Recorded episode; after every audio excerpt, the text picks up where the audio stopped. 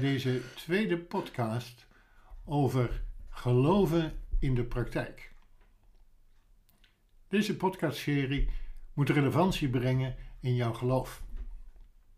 Ze moeten relevant zijn voor jou als luisteraar, omdat de thema's onze manier van denken en doen uitdaagt. Ze moeten relevant zijn omdat het aan jouw manier van zijn nu nieuwe mogelijkheden geeft.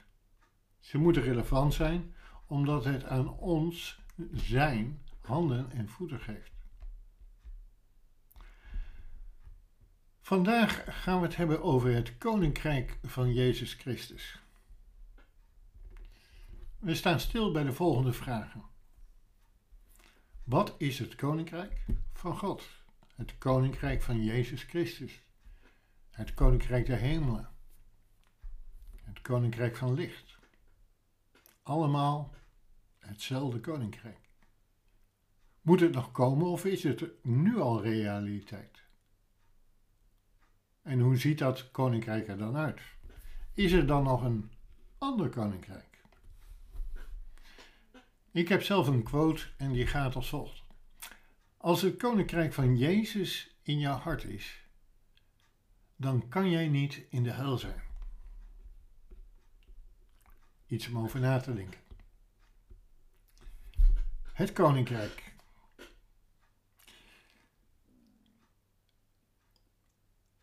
Als we daar naar gaan kijken, dan roept dat een vraag op: wat is een koninkrijk eigenlijk? Nou, een koninkrijk, zegt is een staat met een koning aan het hoofd. En koningen hebben drie machtsgebieden. Ze zijn een wetgevende macht. Met andere woorden, ze schrijven wetten. Ze zijn een uitvoerende macht. Ze zorgen ervoor dat die wetten gehandhaafd worden en uitgeleefd. En ze zijn een rechtsprekende macht.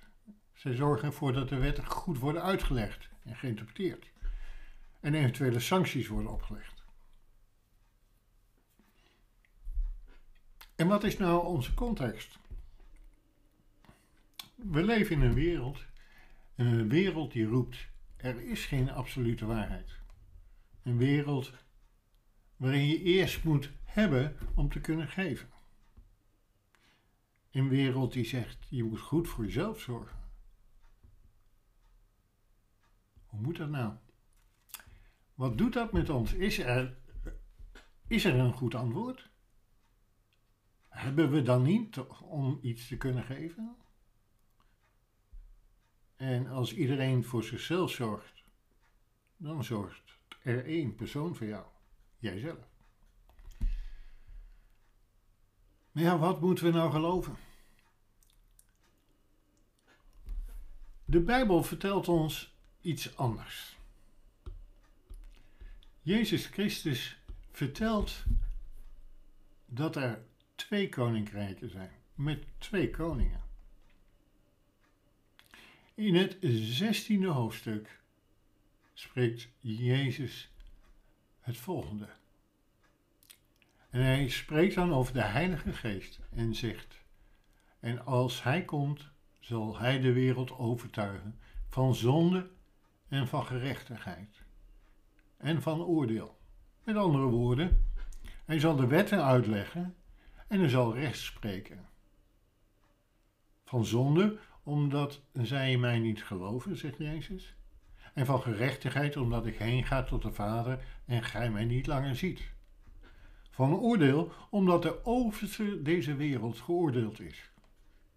Er is dus een overste over deze wereld. En Jezus heeft het hier niet over zichzelf. In het 17e hoofdstuk lezen we dat de Fariseërs, de schriftgeleerden, Jezus vragen wanneer dat koninkrijk van God dan komt. Want zij verwachten een territoriaal koninkrijk. Een koning die komt, zoals zij koningen kennen. Koning David, die had een bepaald land, een staat. En Jezus antwoordt: Het koninkrijk van God komt niet zo. Dat je het kan zien. Je zal niet kunnen zeggen: kijk hier of daar. Want het koninkrijk van God is binnenin jullie. Het is blijkbaar een ander soort koninkrijk. Niet eentje met een staat. Of misschien ook wel. Als Jezus in het 18e hoofdstuk terechtgesteld wordt, staat hij voor Pilatus en vraagt Pilatus: eh, Bent u de koning der Joden? En hij antwoordt: Mijn koninkrijk is niet van deze wereld. Oftewel, niet zoals jij denkt dat een koninkrijk is. Want als mijn koninkrijk van deze wereld was, dan zouden mijn dienaren voor mij strijden. We kunnen dus concluderen dat er twee koninkrijken zijn. Met twee koningen. De een die heerst over deze wereld. En de ander die heerst in ons hart. Het lijkt wel een tegenstelling. Ja, laat me dat uitleggen. Er zijn dus twee koninkrijken. Het koninkrijk van deze wereld met een halve waarheid. En het koninkrijk van Jezus met de volle waarheid. Een voorbeeld daarvan is dat, zoals ik al noemde, het koninkrijk van deze wereld, de overste zegt daarvan, zorg eerst goed voor jezelf. En dan zorgt er één persoon voor jou. Maar in, het, in Jezus onderwijs zegt hij, zorg goed voor je naaste. Dan zorgen er wel meer dan een miljard mensen voor jou. God wil dat we voor elkaar zorgen. En niet in eerste instantie voor onszelf. Je zou kunnen zeggen, in het koninkrijk van deze wereld gaat het over ik. En in het koninkrijk van Jezus Christus gaat het over de ander. Ik hoorde ja maar al klinken. Hoe gaan we dit nou toepassen? Jezus zegt dat wij overgezet zijn, wij gelovigen, van het koninkrijk van duisternis naar het koninkrijk van het licht. En dat de wetten in ons hart geschreven zijn. Het klopt met wat Jezus aan de Farizeeërs vertelt. Het koninkrijk is in u. In de bergreden in het Matthäus-evangelie, het vijfde hoofdstuk, spreekt Jezus over het koninkrijk. En dan zegt hij, want hunner is het koninkrijk. Hij zegt daarbij als afsluiting, en jullie zijn het licht van de wereld. Jullie zijn het licht van het koninkrijk. Het koninkrijk van het licht. Maar hoe verhouden die wetten, die aardse wetten en die, die koninkrijkswetten van Jezus zich nu? Paulus schrijft daarover aan de Galaten. Hij zegt, de geest, de wetten van de geest, laten ontstaan liefde, blijdschap, vrede, geduld, vriendelijkheid, goedheid, geloof, hulpvaardigheid en zelfbeheersing. En tegen zulke dingen heeft de wet van Mozes niks, maar ook de wet van deze wereld niks. Want als jij goed doet, daar heeft de wereld helemaal niks op tegen. Hoe gaan wij daar dan mee om? Nou, de vraag is meer, vanuit welk koninkrijk wil jij leven? Welke wetten, welke principes van, het koning, van welk koninkrijk wil jij hanteren?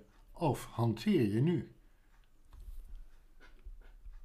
We zijn dus eigenlijk in een wereld beland waarin we vreemdelingen zijn. We hebben eigenlijk een ander paspoort. Je zou kunnen zeggen, we leven in deze wereld, maar we zijn niet van deze wereld. We leven dus als buitenlanders, als vluchtelingen. Maar het mooie is dat de wetten van God gelden overal. En zal elk mens goed doen. Dat kunnen we teruglezen in het vierde en vijfde hoofdstuk van Deuteronomium. Wij zijn, als wij vanuit de wetten van God leven, het licht der wereld. Dus enerzijds gehoorzamen we de nationale wetten die onze overheid stelt. Maar anderzijds leven we vanuit de wetten van Jezus Christus.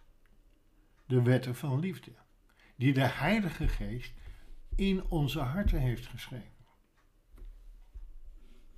De keuze is alleen aan ons welke wetten wij willen toepassen. Nu je dit weet, totdat Jezus zijn volledige heerschappij komt opeisen wanneer hij terugkomt. Want hij is de man die naar het buitenland vertrok in Matthäus 25. Maar hij zal terugkomen. Ben jij bereid tot bijbelonderzoek om Gods wetten, Gods principes te vinden? Ben jij bereid tot zelfreflectie, zodat je ontdekt waar je niet uit die principes leeft? Heb je het lef om Gods wetten toe te passen, ondanks wat de overste van deze wereld ons vertelt door de mensen om ons heen? Leef als vreemdelingen en laat door je gedrag Gods wetten, zijn principes zien. En volgende keer zal ik meer vertellen over waarden, normen, principes, leefregels en wetten. Tot de volgende keer.